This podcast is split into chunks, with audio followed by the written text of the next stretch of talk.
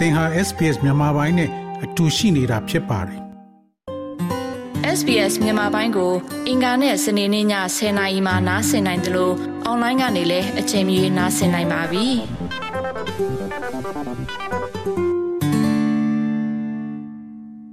ပူပြင်းမှုတန်ကိုအမြင့်ဆုံးဖြတ်တန်းနေရတဲ့ဒီလိုအချိန်မှာရောက်လာတော့မဲ့ခါဝတန်ကြိုမိုးကိုဟိုအရင်ကဆိုမြန်မာပြည်သူအများစုကမျှော်လင့်နေကြပါ။ ဒါပေမဲ့လက်ရှိအာဏာသိမ်းကာလကြိုက်ပွဲတွေပြင်းထန်နေခြင်းရှောင်တိန်နေကြရသူစစ်ပီရှောင်တွေအတွက်တော့အပူဒဏ်ကိုမမှုနိုင်ပဲမိုးရွာမှာကိုစိုးကြောက်နေကြရပါတယ်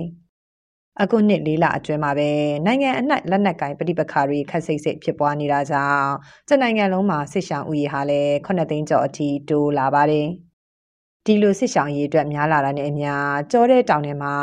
အခင်းအကာလုံလောက်မှုမရှိတာတွေအကူအညီပေးသူတွေနဲ့ချိတ်ဆက်ဖို့ခက်ခဲတာတွေကိုစစ်ဆောင်တွေရင်ဆိုင်နေကြရတာပါလက်ရှိမှာတော့နိုင်ငံတွင်းရာသီဥတုမတည်ငြိမ်ဖောက်ပြန်မှုတွေကိုပါရောက်ရနေရာတွေကနေအန်တုနေကြရပါတယ် အပူချိန်42ဒီဂရီစင်တီဂရိတ်ထိအမြင့်ဆုံးရှိခဲ့တဲ့အလဲပိုင်းဒေသလိုနေရာတွေရှိသလိုပြီးခဲ့တဲ့ရက်ပိုင်းမှာပဲအချိန်ခါမှုမိုးရွာလေပြင်းတိုက်တဲ့ဖြစ်စဉ်တွေလည်းတချို့ဒေသတွေမှာဖြစ်ပေါ်ခဲ့ပါတယ်။ပြီးခဲ့တဲ့နှစ်လလောက်ကမှလူဦးရေ900ကျော်လောက်ထွက်ပြေးတိမ်းရှောင်နေရတဲ့ကရင်ပြည်နယ်ဖဲခုံမြို့မှာတော့ဒီလိုရာသီဥတုဖောက်ပြန်မှုတွေကြားကြုံလာရမယ့်မိုးရာသီအတွက်ကြိုတင်ပြင်ဆင်နေကြရပါပြီ။အသက်35နှစ်အရွယ်စစ်ရှောင်အမျိုးသားတူကဟုတ်ကဲ့ ရောက်တော့ကျွန်တော်တို့ဒီစစ်ဆောင်တဲ့လူကဟိုတချို့ဟာဒီစခန်းနဲ့ကျွန်တော်တို့ စစ်ဆောင်နေရတဲ့ နေရာတွေက စခန်းတစ်ခုလို့မဟုတ်ဘူး။တောင်ယာတွေဘက်မှာ တဲတွေလိုမျိုး မိုးမကြခင် ကောင်းကောင်းမွန်မွန်စောက်ပြီး နေဖို့ စီစဉ်ထားတာတော့ ရှိတယ်။မိုးကမလောက်တာတွေတော့ ရှိတယ်။မိုးရောင်ဒီကျမ်းမာရေးနဲ့ ပတ်သက်ပြီး အများကြီး ဖြစ်လာမှာကိုလည်း စိုးရိမ်နေ။အခုက ဆေးတွေလည်း မရှိဘူး။ရိတ်ခါတွေတက်ကလည်း တမိုးနှမိုးကြပြီဆိုတာနဲ့ တောတဲ့တောင်တဲ့သွားရှာပြီး ကြံပန်စားလို့ ရတာပေါ့။ ဆန်တွေကတော့လောလောဆယ်ရှိသေးတယ်ရွှေသာစားနေရတာပေါ့နောက်ကျရင်ဘယ်လိုဖြစ်လာမလဲတော့မသိဘူးမိုးတွင်းပတ်မှာလေယာပြန်လောက်ရဖို့လည်းမသေးကြတော့ပြင်ဆင်စားစရာရှိတာအကုန်ပြင်ဆင်ရမှာပဲဆန်ပဲရှိရင်တော့သမင်းကိုစားနဲ့စားရင်တော့အဆင်ပြေတယ်ဆိုပြီးကြိုတင်ပြင်ဆင်ထားရတာပေါ့အလူရှင်ကိုထိုင်မျောပို့ကြတော့လဲတနိုင်ငံလုံးတိုင်းတာဖြစ်နေတော့အကူကြီးရဖို့ကမသေးကြဘူးလေကလေးငယ်တွေနဲ့အမျိုးသမီးတွေကိုလုံလုံခြုံခြုံဖြစ်စေချင်တယ်ကျွန်တော်တို့ယောက်ျားတွေကတော့မိုးရသည့်ဝမ်းစာအတွက်က တောင်ယာတွေကိုလုံနိုင်လောက်ပြန်လုပ်ရှင်နေပေါ့နော်တောင်ယာတွေလည်းပြန်လုပ်ရှင်နေတယ်နော်စစ်ရှောင်းစကန်ဆိုပြီးတည်သက်မရှိတဲ့အပြင်စစ်ကောင်စီတပ်ဖွဲ့ဝင်တွေရန်ကိုရှောင်ရင်ကရင်နီစစ်ရှောင်းတွေဟာနေရအတိတကျမရှိဘဲမကြာခဏပြောင်းရွှေ့နေထိုင်နေကြရတာပါဒီလိုကြုံရထွက်ပြေးတင်ရှောင်နေရင်စားနပ်ရိက္ခာမပြေဆုံးမှုတွေကြောင့်စစ်ကောင်စီရဲ့လေကြောင်းတိုက်ခိုက်မှုရန်ကိုလည်းကြောက်လန့်နေကြရပါတယ်။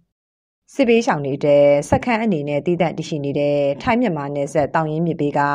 ပလော့တဘုတ်စခန်းမှာလည်းပြီးခဲ့တဲ့ရက်ပိုင်းအတွင်းလေပြင်းတိုက်ခတ်မှုကြောင့်တဲအိမ်300ကျော်တဲ့ကတဝက်ကျော်ဟာအမိုးအကာတွေလွင့်စင်ခဲ့ရပါတယ်။စစ်ဆောင်ကာလနှစ်နှစ်ကျော်အတွင်းဝါးနဲ့တိဆောက်ပြီးဂျနီဘိုးတာလဘက်ကာယံကအိမ်တအိမ်လုံးစောက်ထားရတဲ့စစ်ဆောင်တဲတွေအတွက်တော့ဒီလိုလေပြင်းတံကိုခံနိုင်ရမရှိပါဘူး။ စစ်ရှောင်စခန်းတာဝန်ခံဆရာမနော်ဖော်လဲကတော့အိမ်ပြန်ပြင်ဆင်နိုင်မှုကူညီပေးနိုင်တဲ့အဖွဲ့အစည်းတွေနဲ့ချိတ်ဆက်ဆောင်ရွက်နေပေမဲ့မိုးရင်းအမိပြင်ဆင်နိုင်ဖို့တော့အခက်အခဲရှိတယ်လို့ဆိုပါတယ်မနစ်ကတဲတွေကတလုံးမှနေနေလူအဆင်မပြေတော့ဘူးလေ။ဝါးနဲ့ဆောက်တာအောက်ခြေတွေကအကလုံးဟိုစားကုန်ဝါးတွေစီးကုန်တော့လေ။တော့နေလို့မရတာ။တက်ခဲရှိတာဆိုရှိတယ်။အမှုပြန်ပြင်ဖို့အတွက်ဖတ်ဖို့တို့ဟိုပြန်ကာဖို့အတွက်တို့ဖတ်ဖို့တို့အေးအဲ့ဒါတွေက လိုအပ်နေဘူးပေါ့နော်။အခက်အခဲကတော့ အဲ့ဒါပဲ။အဓိကကပိုက်ဆံမရှိတာလေ။အိမ်ပေါ်တက်နေလို့ ရနေလားဆိုတော့ တချို့အိမ်တွေက မရတော့ဘူး။တချို့အိမ်တွေက ရတယ်။ကိုယ် ရိုင်တဲ့အိမ်ရိုင်တယ်။တချို့အိမ်တွေက ရသေးတယ်။အားလုံးပြန်ပြင်ဆောက်ရမယ်။အိမ်ထောင်စုအားလုံးအတွက်။မွေးပြီးကြီးသာလာရင်တော့ နေရေးထိုင်ထားရမယ်။နောက်တခု ပိုဆိုးတာက ကျမတို့ဒီပရိသတ်ဘိုးကိစ္စမှာအိမ်ကြီးကြီးရှိမှ မရှိဘူး။ဒီလူမြင်ကြီးထဲမှာပဲ အိမ်တွေကို ဆောက်တယ်ဆိုတော့ တော်တော်ကို ပူလောင်တယ် နိုင်ငံတကာမိုးလေဝသဌာနတွေရဲ့ခန့်မှန်းချက်အရလာမယ့်မေ၊ဇွန်နဲ့ဇူလိုင်လတို့မှာမြန်မာနိုင်ငံအတွင်းအင်အားအနည်းငယ်ရှိတဲ့အယ်နီညိုအခြေအနေကိုရောက်လာနိုင်တယ်လို့ဆိုထားပါတယ်။အယ်နီညိုဆိုတာအစွန်းရောက်ရာသီဥတုဖြစ်စဉ်တစ်ခုဖြစ်ပြီးတက်ရောက်မှုကတော့မိုးရွာသွန်းမှုပုံစံမမှန်တာအပူချိန်မြင့်မားတာနဲ့မုန်တိုင်းဖြစ်ပေါ်မှုမမှန်တာတွေဖြစ်ပေါ်တတ်ပါတယ်။ ဒီလိုအခြေအနေတွေဟာအိုးအိမ်စွန့်ခွာထွက်ပြေးနေရသူတွေအတွက်ရာသီဥတုတန်ခံနိုင်မှုပြင်ဆင်ခွင့်မရှိတဲ့အပြင်ဖြစ်လာသမျှကို အကာအကွယ်မဲ့ရင်ဆိုင်ရမယ့်အခြေအနေပါရခိုင်ပြည်နယ်အတွင်းလူဦးရေ2800ကျော်ရှိတဲ့တိမ်ညိုစစ်ရှောင်းစခန်းမှာတော့နေထိုင်မှုဝါတဲတွေတိစောက်ထားတာဟာကာလအဖြစ်၄နှစ်ကျော်ခဲ့ပါပြီ။ ပြီးခဲ့တဲ့နှစ်တွေတုန်းကဒီလိုအချိန်ဆိုတဲတွေကိုပြန်လည်ပြုပြင်ဖို့လိုအပ်တဲ့အထောက်ပံ့တွေရရှိပြီးမိုးရင်းအတွက်ကြိုတင်ပြင်ဆင်လေးရှိတဲ့ကာလလည်းဖြစ်ပါတယ်။ဒါပေမဲ့ပြီးခဲ့တဲ့နှစ်ဒီဇင်ဘာလကတည်းကအကူအညီတွေမရရှိတော့တာကြောင့်စစ်ရှောင်းတွေအတွက်မိုးရာသီကိုရင်ဆိုင်ဖို့ခက်ခဲနေတာပါ။စက္ကန့်တောင်းဝင်ရှိသူတွေအနေနဲ့မိုးရင်းအမိပြန်လည်ပြင်ဆင်ဖို့ထောက်ပံ့ပေးနိုင်တဲ့အဖွဲ့အစည်းတွေနဲ့ချိတ်ဆက်နေတာ၃လကျော်ပေမဲ့အခုချိန်ထိမရရှိကြသေးပါဘူး။ ဒါကြောင့်အကူအညီတွေလုံးဝမရခဲ့ရင်တော့ဖြစ်လာသမျှရာသီဥတုအခြေအနေတွေကိုတောက်ခံဖို့ကလွယ်ပြီးစစ်ရှောင်းတွေအတွက်အပြေမဲ့နေစေပါ။အဲ့ဒီထဲမှာရခိုင်ပြည်နယ်မြောက်ဦးမြို့နယ်ကတိမ်ညိုစစ်ရှောင်းစခန်းမှာခေါ်လုံနေတဲ့အသက်42နှစ်အရွယ်ဦးကျော်မြလည်းပါဝင်ပါတယ်။အဲဒီတချို့ကတော့မဖြစ်ပြန်လို့မဖြစ်ပြန်လို့မရဘူးကွာလေတိုက်တာနဲ့ဟိုရန်လင်းတဲ့အနေထားကရှိနေတယ် တခြားတာကတော့အိမ်တွေမပြုတ်ပြင်လို့မရတော့ဘူးတော်တော်ရိုင်းနေနေတဲ့အနေအထားမှာရှိနေပြီအိမ်တွေကိုတနည်းတင်နဲ့မူထားတာဆိုတော့တနည်းနှစ်လောက်ကြာတာနဲ့မိုးယိုသွားတာပေါ့မိုးမကြခင်ဒီတဲအိမ်လေးတွေကိုပြုပြင်မွမ်းမနိုင်ဖို့တော်တော်အရေးကြီးတဲ့ကိစ္စတစ်ခုလိုဖြစ်နေပြီ ကလေးတွေကိုလည်းမိုးလုံလေးလုံနေရမျိုးတွေမှာထားရှင်တယ်မိုးမလုံလေးမလုံရင်လည်းကျမ်းမာရေးအပိုင်းကတော်တော်ကိုဒုက္ခရောက်မှာအခုလည်းမလုံဘူးအခိုင်ကဆိတ်ချောင်ကူညီပေးတဲ့အဖွဲ့အစည်းတွေကိုတော့တိုက်ရိုက်စာတင်ထားတယ်ခေါမိုးကိစ္စတွေဘာတွေကိုလည်းလှုပ်ဆောင်ပေးဖို့ပြောထားတယ်တွင်းရင်ကိစ္စနဲ့ပတ်သက်ပြီးကျွန်တော်တို့လည်းလူနိုင်မဲ့အလှူရှင်တွေကိုကိုယ့်ဘာသာကိုရှာကြည့်တယ်ဒါပေမဲ့မတွေ့သေးဘူးအင်ရှင်များလူဦးရေများတော့အလှူရှင်နဲ့စဉ်းစားနေကြတာနေမှာပေါ့အလူရှင်တွေရှာမတွေ့ဘူးဆိုရင်တော့ရှိရလေးနဲ့လှုပ်ဖြစ်တယ်လို့လေးနေမှာပေါ့အရှင်တွေကမတည်ငြိမ်ဘူးပြန်သွားရင်လည်းနေတဲ့ရွာမှာအိမ်တွေကပျက်စီးတဲ့သူပျက်စီးသွားကြပြီလေအဲ့တော့ဒီမှာပဲနိုင်တဲ့လောက်လေးပြုပြင်ပြီးနေရမှာပေါ့အဲ့မှာပဲဟိုတင်းလေးတွေပေါ့အမ်ဂျာမိနေရမှာပေါ့ကုလသမဂ္ဂအဖွဲ့အစည်းတွေဖြစ်တဲ့ UNHCR, UNICEF နဲ့ WFP တို့ကလူသားချင်းစာနာမှုအကူအညီတွေပေးနေပေမဲ့အခက်အခဲဖြစ်နေတဲ့စစ်ဆောင်တွေစီရောက်ဖို့ကအလံဝေးနေစေပါ ပြီးခဲ့တဲ့နှစ်အတွင်းဂျပန်အစိုးရကမြန်မာနိုင်ငံကိုအကူအညီဒေါ်လာ48တန်းပေးအပ်ခဲ့သလို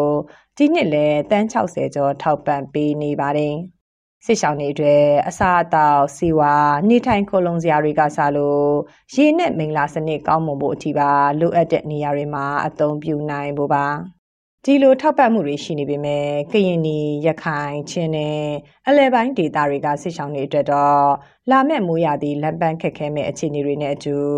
အစာအသောက်စေဝါနဲ့နေရာထိုင်ခင်းတွေကလိုအပ်နေစေဖြစ်ပါတယ်။နေ့စဉ်နဲ့အများတိုးလာတဲ့စစ်ဘေးရှောင်တွေအတွက်အကူအညီမရရှိမှုတွေလူသားချင်းစာနာမှုအကူအညီပေးရေးကိုဟန်ကြားနေတဲ့စစ်ကောင်စီရဲ့လုပ်ရက်တွေဟာစစ်ရှောင်အရေးဖြေရှင်းဖို့လက်တလောစိန်ခေါ်မှုတွေဖြစ်နေတာပါ။ ကရင်ပြည်ဒီမော့ဆိုမြို့နယ်အတွင်းစစ်ရှောင်အရေးကူညီနေသူတူကကျမတို့စစ်ဆောင်နေနဲ့ကဘယ်နေရာဘယ်ရောက်လုံခြုံမှုဆိုတာလုံးဝမရှိနိုင်ဘူးပေါ့နော်။နေရာထိုင်ခင်းနေဆိုလဲဒီလိုပဲနေရာဆက်ဆက်မရတော့စစ်ဆောင်တဲ့အချိန်မှာမိုးရဒီကခက်ခဲဆုံးကောင်းအောင်လည်းကျမတို့ပြောရမှာပေါ့နော်။တောထဲနေတဲ့ဖက်အတွက်ကတော့ဘယ်လိုမှအဆင်မပြေဘူး။နောက်တော့ဖြစ်စစ်ဆောင်တာကကျမမြို့ပေါ်တိတ်ဆောင်တယ်ဆိုရင်အမျိုးတွေကရခိုင်တော့အရင်နေတယ်ပေါ့နော်။စစ်ဆောင်တွေတက်လို့ကူပေးမဲ့ လူတွေပုဂ္ဂိုလ်ကိုယ်တိုင်တောင်မှသူတို့မှာဒီလုံခြုံရေးလုံခြုံရေးအတွက်ကဘာမှမရှိဘူးဆိုတော့လုံခြုံရေးအတွက်ကဘယ်လိုမှအဆင်မပြေဘူးအမှန်ခံနိုင်ဘူးဆိုရဟာရပေါ့နော်အဲ့ဒါကြီးကြုံရတယ်တချို့ဆိုဒီဒီကချင်းစနာထောက်ထားမှုဆိုင်ရာကိစ္စပွိုင်းနဲ့တော့မှအဖန်ခံရတာတွေလည်းရှိရဲဆိုတော့ဒါကျမတို့အနေနဲ့ဒီစစ်ဆောင်ကိုပြီးကိုဦးတည်ပြီးတော့ ကူညီရတော့ဖို့ကတော့ဒါခက်ခဲတယ်ပေါ့နော်လက်ရှိမှာလူသားချင်းစာနာထောက်ထားမှုအကူအညီလိုအပ်နေသူ19.6တန်းရှိနေပြီးကျေးလက်ဒေသမှာ4.5တန်းရှိတယ်လို့ UN OCHA ကဧပြီလဒုတိယပတ်မှာထုတ်ပြန်ထားပါတယ်2023ခုနှစ်ပထမလေးလပတ်အတွင်းမှာလည်းစစ်ဘေးရှောင်အရေးဖြေရှင်းဖို့အတွက်ရရှိတဲ့အကူအညီက800ခိုင်နှုန်းသာရှိတယ်လို့ထုတ်ပြန်ချက်ထဲပါဝင်ပါတယ်။ အာဆီယံဘုံသဘောတူညီချက်၅ချက်ထဲမှာလူသားချင်းစာနာမှုအကူအညီတွေပေးအပ်မယ်လို့ပါဝင်ပေမဲ့အဲ့ဒီသဘောတူညီချက်ကနှစ်နှစ်ကျော်သွားသည့်တိုင်အကောင့်ထဲမပေါ်လာသေးပါဘူး။ကျန်းမာရေးအတွက်လွယ်လင့်တကူစေဝါမရရှိတာနေရာထိုင်ခင်းမလုံခြုံမှုတွေကြောင့်ယောဂတွေဖြစ်တာမိုးရာသီတောတောင်နဲ့ဖြစ်လိရှိတဲ့ငှက်ဖျားကုသရေးဆေးတွေမလုံလောက်တာနဲ့ကလေးငယ်တွေအာဟာရမပြည့်မီတာကြောင့်သိဆုံးမှုတွေလည်းရှိနေပါတယ်။ ဒီလိုသာစစ်ရှောင်းတွေအတွက်အကူအညီတွေမရရှိရင်လူသားရင်းမြစ်ဆုံးရှုံးမှုတွေနဲ့ပုံမကြုံတွေ့လာနိုင်ပွဲရှိတယ်လို့ပြောလာသူကတော့ကရင်ပြည်နယ်ကလူအခွင့်အရေးလှုပ်ရှားမှုဒါရိုက်တာတူဖြစ်သူဦးပညာပါဘာမှမလို့ပြနေတယ်တော့ပဲကျွန်တော်ဒီမျိုးတွေကလည်းဆောက်တဲ့ဒီပေါ်တဲ့တောင်ထဲမှာဒီမျိုးပေါ့နော်ဖြစ်တယ်လို့ပဲဘဝကိုဖြစ်ပြီးခုတောင်နဲ့ပုံမှန်ရှိနေတဲ့ပြည်နယ်စုကြတယ်အဖြစ်တော့ကတော့ဒီစတဲ့တဲ့ဘဝရဲ့တန်ကြ တော့လူတွေဆောင်ရတော့အဲ့ဒီတော့လည်းကျွန်တော်တို့ဒီမှာရှိတဲ့ဒီမျိုးတွေကလည်းခဏပြောလို့ဒီ YouTube မှာတက်တက်ရှိတယ်ပြည်မှုလုံးများတော့ဗောနော်အာနောက်ပြီးတော့မှစမရေးချူချာချူချာကြတယ်ဒီပေါ်ဒီမျိုးရလာမကောင်းတဲ့ကြောင့်မို့ရှင်ကားလည်းတန်းလာမှာတော့မှကျွန်တော်တို့ကဒီတောင်ခံရတော့ဗောနော်အခုလို့ဆိုပိုတော့ခံရတော့ဗောအဲ့ဒီတော့ကျွန်တော်ကတော့သူကင်းပြောတော့ချင်းမိတ်ပြီးတော့မှအပြစ်ကြုံလေးကိုပဲသိယူရတယ်လို့ပဲဟိုပြောရမှာပေါ့နော်ဟိုအဲ့ဒီတော့လည်းတော့ကိုယ့်ရဲ့လူမျိုးကို ကိုယ့်ဒေတာမှာရှိတဲ့လူမျိုးစုတွေအားလုံးကိုမတနာတာမဟုတ်ဘူးဒါပေမဲ့အပြစ်ကြုံရဟိုခံနေရတော့အတော်တင်းတော့ရှိနေပါပြီဒါပေမဲ့အခုကြီးကတော့အများကြီးဆက်လို့အားနေတယ်ဆိုတော့လည်းဟိုပြောလိုပါတယ်ခင်ဗျပွင့်လင်းတဲ့ရာသီတွေမှာတောင်ကြိုက်ပွဲတွေနဲ့လမ်းမဆက်သွယ်ရေးအခက်ခဲကြောင်းအကူအညီမရကြတဲ့စစ်ပေးရှောင်တွေအတွက်ရောက်လာတော့မယ့်မိုးရာသီဟာမပြည့်စုံမှုတွေနဲ့ထပ်မံစီကြိုနေပါတယ်။ တိုက်ပွဲတွေကြား ပြေးလွှာရင်အခြေခံလိုအပ်ချက်တွေတဲ့အလူရှင်နဲ့ဖွဲ့စည်းတွေရဲ့ ထောက်ပံ့မှုတွေကိုသာ မျှော်ကိုးနေကြရတဲ့ စစ်ဆောင်ပြည်သူတွေအတွက်တော့ လာမယ့် မိုးရာသီမှာ လုံခြုံတဲ့ရန်ဝင်တစ်ခုအောက်ခုလုံနိုင်ဖို့ကိုသာစုတောင်း မျှော်လင့်နေကြရစေပါ။ဒီသတင်းဆောင်မကိုတန်လွင်ခက် က ပေးပို့ထားတာ ဖြစ်ပါတယ်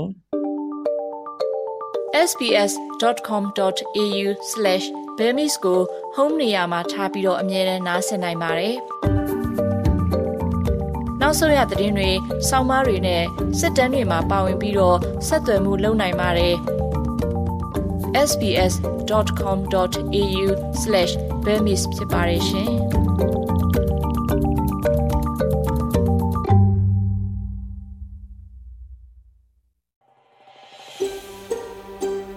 ဒါမျိုးသတင်းဆောင်မတွေကို ပိုနားဆင်လိုပါလား Apple Podcast Google Podcast Spotify တို့မှာသင်ပင်ရာဖြစ်ဖြစ်ရယူတဲ့ podcast ကနေပါ